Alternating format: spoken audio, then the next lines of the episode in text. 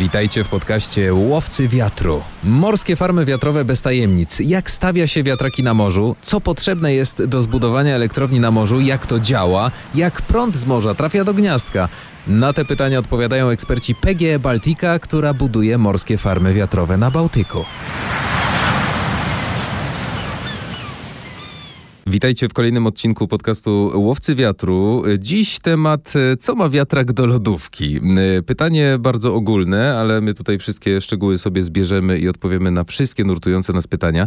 Budowa morskiej farmy wiatrowej to nie lada wyzwanie. Zanim jednak ktokolwiek podejmie się budowy wiatraka, najpierw należy dokładnie wszystko wybadać i wymierzyć. O wszystkich procesach zachodzących jeszcze przed powstaniem farmy wiatrowej opowiedzą nasi goście, eksperci w Departamencie Administracji i Pozwoleń w PGE Baltica. Witam Państwa bardzo serdecznie pani Iwona Gonczarow. Dzień dobry Pani Iwono. Dzień dobry.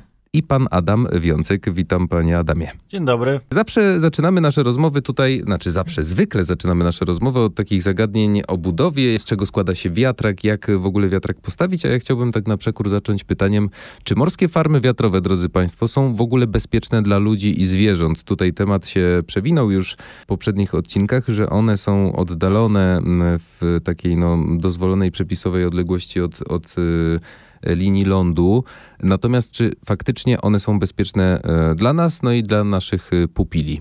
Bez wątpienia są bezpieczne. Mm, można by na tym zakończyć, ale e, rozumiem, że chciałby pan, żebyśmy to rozwinęli. Bardzo więc, dziękujemy, panie Adamie, tak, za wyczerpującą odpowiedź. Tak, rozwijmy sobie to, jeśli możemy, oczywiście. Tak jak wszystkie konstrukcje muszą być, spełniać wszystkie przepisy i procedury i to też jest nadal prawda i tylko wtedy są bezpieczne ale żeby to bezpieczeństwo osiągnąć, e, przeprowadzamy szereg badań na środowisko, mm, żeby poznać to środowisko, które tam jest, gdzie chcemy zrealizować naszą inwestycję, a następnie wdrożyć odpowiednie środki minimalizujące, jeżeli jest taka konieczność, jeżeli nie, to po prostu realizujemy. E, tak jak pan wcześniej wspomniał, e, te farmy są oddalone dosyć daleko od lądu, więc bezpośredniego wpływu na ludzi nigdy nie mają praktycznie, przynajmniej część morska. Część lądowa oczywiście podlega swoim przepisom, jeżeli chodzi o przyłącza. Jednak na tyle e, potrafimy to zaprojektować, zbadać i odsunąć, że nie ma możliwości, żeby ucierpiały na tym zwierzęta i ludzie. Mm, jeżeli chodzi o ten szereg badań, e, to mam nadzieję, że potem nam się uda o tym jeszcze opowiedzieć, e, ponieważ to jest dosyć ciekawy temat i szeroki. Mm, jednak można powiedzieć, że dzięki tym badaniom tak naprawdę możemy wdrożyć prawidłowe procedury i spełnić wszystkie przepisy, bo może to górnolotnie zabrzmi, ale jednak te przepisy są po to stworzone, żeby to naprawdę y, mogło funkcjonować i być zrealizowane w dosyć bezpieczny sposób, pomimo tego, że to są tony stali, dziesiątki y, statków, setki ludzi w to zaangażowanych. Są, to, są te inwestycje realizowane na świecie i są one realizowane w sposób bezpieczny. I my, jako PGE Baltica i to zespół pozwoleń, działamy w ten sposób, żeby to bezpieczeństwo zapewnić też na naszych farmach e, no, na polskiej części Bałtyku. One są nie tyle bezpieczne dla nas, patrzących na nie z lądu, co rozumiem też dla statków, które zapewne gdzieś w okolicach farm wiatrowych przepływają, prawda? Tak, oczywiście. Są one odpowiednio oznaczone, są na mapach nawigacyjnych, e, są wyznaczone wokół nich trasy żeglugowe, tak żeby każdy, e, który korzysta z Bałtyku i jest kapitanem statku, mógł w bezpieczny sposób je ominąć. Jakby no, tak samo y, chodzi o, są oznaczone odpowiednio jako przeszkody lotnicze, tak więc wszystkie, mm, wszystko co lata, czyli helikoptery, samoloty, widzą je, mają je w swoich oznaczeniach. Mm, i jest to w pełni bezpieczne. Więc od A do Z jest to zabezpieczone, przewidziane, nic jakby nie, nie zostaje pozostawione przypadkowi. No właśnie, pamiętajmy o tym, że farma wiatrowa to nie tylko rozległy obszar wszerz, ale też y, w stronę nieba, bo wiatraki swoją wysokość mają. Skoro zahaczył pan, panie y, Adamie, już o te badania i tutaj też obiecaliśmy słuchaczom, że właśnie na tym też oprzemy y, odcinek. Jakie badania w takim razie wykonuje się przed samym rozpoczęciem budowy? Bo ja rozumiem, że to jest y, sztab ludzi, który siada wokół bardzo długiego stołu i debatują co, jak przewidzieć, gdzie, dlaczego, po co i czy, i czy się mm, tutaj wpiszemy w te wszystkie normy wpisane w grubych księgach. Co badamy i dlaczego przed rozpoczęciem budowy w ogóle? Tak naprawdę badamy kompleksowo całe środowisko, które no, na które może ewentualnie mieć wpływ, czy ma wpływ planowana farma wiatrowa. Tak jak mówię, są to badania kompleksowe. Badamy zarówno ptaki, ich zwyczaje, przeloty, sposób żywienia. Tak, tak samo badamy ssaki morskie, też miejsca ich występowania, liczebność, trasy przepływów, gdzie one występują, również w obszarze jakby pokarmu, którym one się żywią. To również jest badane. E, także tak naprawdę tak jak mówię, no kompleksowo całość. A czy są jakieś e, specjalne, takie dodatkowe pytanie, gatunki zwierząt, które potrzebują takiej specjalnej troski i, i jakby zauważenia? Oczywiście są y, gatunki chronione, ale tak jak mówię, no badamy wszystko, natomiast y, są oczywiście gatunki chronione, tak samo jak na lądzie występują, tak samo oczywiście w, w obszarach morskich. Jest to, jak rozumiem, powołane w, w tytule y, między innymi lodówka, mhm. są to morświny, ale również wiele innych gatunków chronionych. A jakie narzędzia w takim razie potrzebne są do przeprowadzenia takich badań, zanim w ogóle zaczniemy myśleć o budowie farmy? Od najprostszych, statek, Aha. na którym e, musi być ekipa pomiarowa i obserwatorzy, e, poprzez e, drugi prosty przyrząd, poprzez lornetkę. No i dochodzimy do bardziej skomplikowanych, takich jak radary, które monitorują i zapisują momenty przelotu e, e, czy obecności ptaków e, w danym obszarze na danych transektach pomiarowych. Stosowane są radary, które rejestrują obecność ptaków na danym obszarze objętym badaniami na obszarze projektowanej farmy wiatrowej. Jest to z, oczywiście wszystkie te aktywności są rejestrowane mm, bazie danych. E, dane, które są zbierane podczas e, takich kampanii pomiarowych, są następnie przetwarzane i analizowane przez e, specjalistów, już przez analityków, ornitologów, zliczane i interpretowane e, tak, żeby były potem e, wyniki, żeby można było e, przedstawić między innymi podczas procesu uzyskiwania decyzji środowiskowej w raporcie oddziaływania na środowisko. Z ciekawych jeszcze urządzeń, które są wykorzystywane do badania, to w szczególności badania dna, są to pojazdy, które poruszają się po dnie, pobierają próbki Wyglądają trochę jak e, zdalnie sterowane e, robociki czy samochody, jednak one są dla nas bardzo użyteczne. One są często wyposażone w kamery lub różnego rodzaju czujniki. Dzięki temu możemy zbadać dno morskie, które też e, badamy. Jest to coś, czego jakby na lądzie się nie wykorzystuje, bo nie ma takiej potrzeby. Czyli takie łaziki marsjańskie, które jeżdżą po dnie. Coś w tym stylu, tak. To są rowy tak zwane. Te badania, one nie muszą trwać, rozumiem, latami. Wystarczy jakiś taki określony, mm, określony okres czasu, masło maślane. Ale y, ile trwają takie badania? Z punktu widzenia naukowego, y, to jak wiemy, im dłużej trwają badania, tym dla naukowców jest y, ciekawiej. Natomiast jeśli chodzi o takie minimum, to badania powinny być prowadzone w przeciągu roku. E, rok jest to taki okres, który pozwala uchwycić e, wszystkie okresy fenologiczne e, odnośnie bytowania zwierząt i ptaków. Mhm. Mm. No ich zwyczaje w, w poszczególnych okresach roku, tak, kalendarzowego.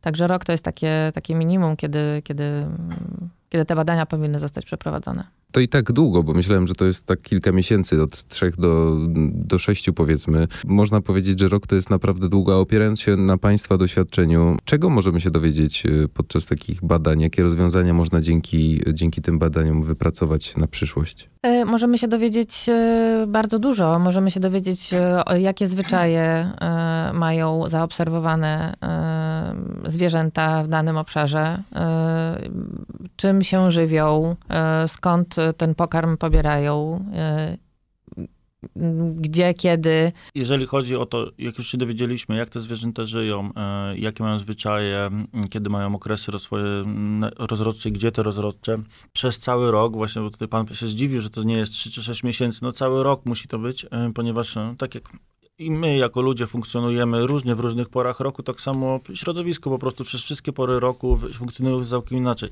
Ale wracając jeszcze do tego, co się możemy dowiedzieć. Dzięki temu na przykład, jeżeli chodzi o lodówkę, mm, kaczkę lodówkę, wdrożyliśmy takie rozwiązanie, wiedząc, że są to tereny, na których ona się żywi, są to wody płytkie, odsunęliśmy naszą farmę tak, żeby nie przeszkadzać tej kaczce, żeby ona mogła dalej tam funkcjonować. I to na przykład jest jedno z rozwiązań, które wdrożyliśmy, bo tak naprawdę w przypadku morskiej farmy wiatrowej bardzo wiele rozwiązań można wdrożyć już, tak jak to, przesunięcie od turbin wiatrowych na etapie planowania. Innymi rozwiązaniami jest na przykład, jeżeli wiemy, że występują e, morświny, o których tutaj, tutaj koleżanka też wcześniej mówiła, e, możemy je chronić na etapie budowy poprzez wykorzystanie różnych technologii zmniejszających hałas podwodny, który niestety powstaje w czasie e, palowania, fundamentowania e, tych turbin wiatrowych. I wykorzystuje się do kurtyny bąbelkowe. To są takie urządzenia, które kolokwialnie mówiąc, robią bąbelki pod wodą i one rozpraszają fale dźwięku. Dzięki temu te morświny, które są dosyć e, wrażliwymi stworzeniami, ssakami morskimi, nie cierpią na tym. Dzięki temu, że zbadaliśmy teren wokół farmy, wiemy, że one tam występują, wiemy Oprócz tego wiemy na podstawie naszych pracy z naszymi ekspertami, jakie on, jakich one warunków oczekują i możemy w prawidłowy sposób zaplanować te działania, czyli stworzyć na przykład korytarz dla lodówki, wdrożyć jakieś działania minimalizujące hałas podwodny, jest tych działań dosyć dużo. To jest fantastyczne, co Państwo mówią. Świetnie się tego słucha, że, że tak naprawdę właśnie ten ukłon w stronę ekologii, o którym tak e, często mówimy tutaj na przestrzeni odcinków e, podcastu, faktycznie się sprawdza i on faktycznie istnieje. Najpierw myślimy o naturze, a potem dopiero myślimy o tym żelastwie, które tam, e, mówiąc tak potocznie, po prostu zwieziemy i, i zbudujemy. A co jeśli na przykład kaczka lodówka sobie wymyśli, że ona wróci na swoje, a farma już stoi? No właśnie po to są wdrożone te działania, żeby... Żeby nie wróciła. Ona, żeby nie wróciła, ponieważ ona nie chce tam wracać. Nie ma potrzeby żyć na tych terenach, gdzie stoi farma, bo ta farma jest przesunięta na głębsze wody, na których ona nie żeruje. Z prostego powodu, bo po prostu kaczka, lodówka e, żywi się nurkując. Mhm. Jeżeli nurkuje na dużo głębszą wodę, to ten wydatek energetyczny, energia, którą ona poświęca na to nurkowanie, jest dużo większa niż ona zje po prostu tam. Więc żyje na płytkich wodach, woli płytkie wody. My jej pozostawiliśmy płytkie wody. Nie ma powodu, żeby żyć w bardziej niewygodnym środowisku i próbować żyć tam, gdzie stoją turbiny. Czyli będzie kaczka zadowolona, można na, powiedzieć. Na pewno będzie zadowolona. Czy możemy, e, drodzy Państwo, jeszcze trochę głębiej wniknąć w te zasady i normy bezpieczeństwa, o których musimy pamiętać w trakcie planowania budowy farmy wiatrowej? Niech to wybrzmi y, dzisiaj w tym odcinku. Chociaż to są już bardzo kwestie takie techniczne, budowlane i tutaj mhm. nie chciałbym e, zanudzać po prostu, bo wiadomo, przepisy BHP, odpowiednie przeszkolenie załóg, tak żeby i dbali o siebie, i dbali o środowisko, ale pomagają nam też e, uzyskane decyzje administracyjne, między innymi decyzja środowiskowa, która nakłada na nas szereg obowiązków, tak żebyśmy w bezpieczny sposób realizowali tą inwestycję i żeby ona też funkcjonowała w bezpieczny sposób. E, I możemy tu powiedzieć nawet o takich prozaicznych rzeczach, jeżeli na lądzie robimy jakieś wykopy, bo musimy ten kabel położyć, żeby wyprowadzić tą energię, E, w tym momencie są e, ogrodzone te wykopy w ten sposób, żeby nie wpadały w tam drobne zwierzęta i nie cierpiały, często nie ginęły, żeby nie, żeby nie podlegały też stresowi, więc tych zasad jest sporo. To są już takie bardzo złożone kwestie techniczne, w które... Troszeczkę tak. Faktycznie... Tak, one nie są ciekawe po prostu, bo to są bardzo... No, jest są przepis, ciekawe, trzeba, ale może jest, nie dla każdego. Może nie dla każdego. Jest przepis, trzeba go spełnić po prostu. My nigdy nie staraliśmy się nawet kłócić z tymi przepisami, tylko często właśnie tak jak w przypadku tej kaczki, która no, tutaj się cały czas powraca, bo to, to jest dosyć duże działanie, które wdrożyliśmy.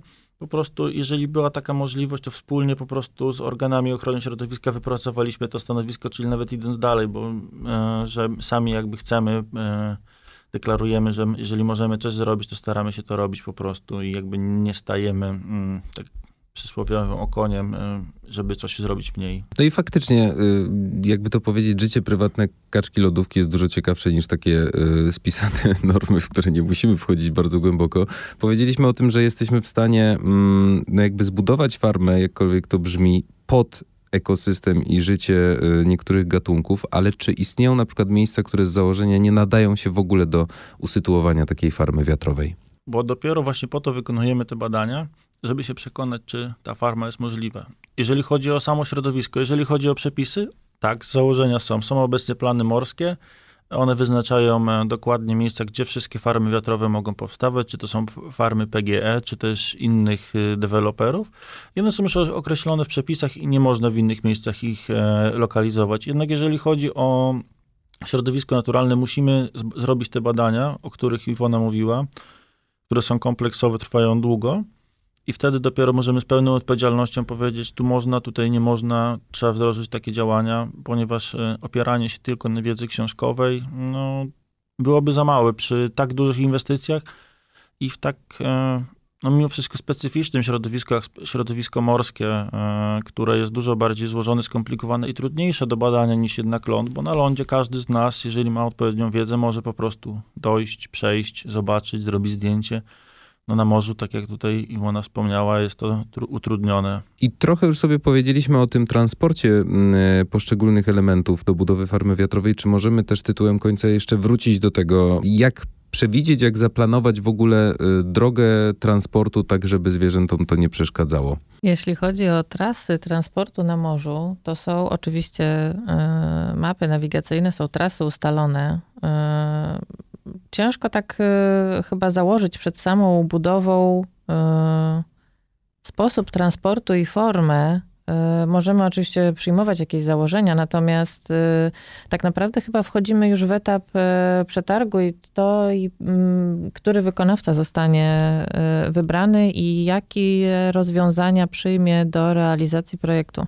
Mhm. Tak jak mówię, chyba w, możemy coś przyjmować, ale mm, na naszym etapie, tutaj akurat mówimy o środowisku, padła e, decyzja środowiskowa, tak? czyli taka decyzja, która właściwie początkuje cały proces inwestycyjny, wszystkie te uwarunkowania, które powinny zostać spełnione przy planowaniu e, inwestycji pod kątem środowiska, ochrony środowiska.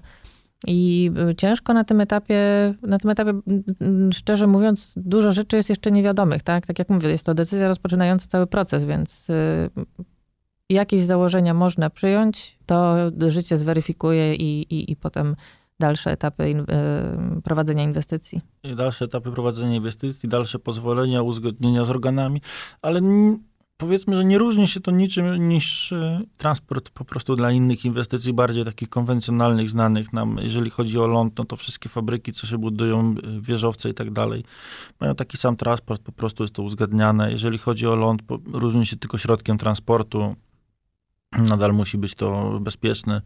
E, my jakby naszych wykonawców uczulamy, nawet może nie uczulamy, tylko też po prostu mają w umowach wpisane, że muszą spełniać odpowiednie standardy Um, i, i bezpieczeństwa, i środowiska, więc jakby nie mogą jakby korzystać powiedzmy ze starych, uszkodzonych statków, rozumiem, że to ta jest ważne, bo sam transport to są po prostu często elementy, które nie mają wpływu na środowisko. Stal, beton, y, kompozyty. Na razie, tak jak Iwona powiedziała, na tym etapie, którym jesteśmy, nie możemy to zaplanować, jednak wiemy, że będzie to spełnione czy przez nas, czy przez naszych wykonawców, których będziemy jeszcze w przyszłości kontraktować. Pani Iwono, Panie Adamie, na pewno cieszy fakt, że bardzo głośno i dużo mówi się o podejściu ekologicznym do tego projektu. Jeszcze tak chciałem Państwa zapytać, jak bardzo ekologiczny ten projekt jest dla Państwa, opierając się na Państwa pracy, na Państwa doświadczeniu i, no i zapewne innych projektach, z którymi się mm, Państwo spotkali na przestrzeni mm, swojej drogi zawodowej.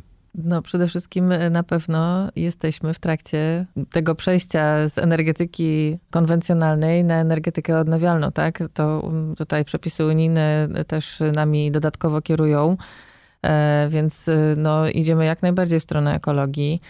E, tak jak już tutaj rozmawialiśmy podczas, znaczy podczas całej rozmowy to wybrzmiało, e, jesteśmy frontem, że tak powiem, do środowiska. Prowadzimy badania szeroko zakrojone obszaru, na którym będzie, będzie planowana inwestycja. Tak, tak, zgadzam się. Przede wszystkim my z powodu tego, że jesteśmy e, dosyć dużą firmą i ten projekt jest wielomiliardowy, nie możemy sobie pozwolić, żeby iść na skróty. Dla nas E, jakby to środowisko jest e, ważniejsze, ponieważ wiemy, że mm, no, budujemy coś na lata wielkiego, które i tak jest potrzebne, więc nie chcielibyśmy, żeby to środowisko ucierpiało. Tak jak mówię, nieduże oszczędności nie są dla nas żadnymi oszczędnościami, a jakby strata i nasza wizerunkowa i strata w środowisku, który się nie da odbudować, no to by ciążyło na tej inwestycji na lata, na to po prostu sobie nie możemy pozwolić tak już czystego pragmatyzmu, pomijając samą ekologię, która oczywiście jest ważna. Co ma wiatrak do lodówki? To był tytuł tego odcinka podcastu, a to moi wspaniali goście, których przedstawię raz jeszcze. Eksperci w Departamencie Administracji i Pozwoleń w PGE Baltica, pani Iwona Gonczarow i pan Adam Wiącek. Drodzy Państwo, serdecznie dziękuję za dzisiejsze spotkanie. Dziękujemy. Dziękuję.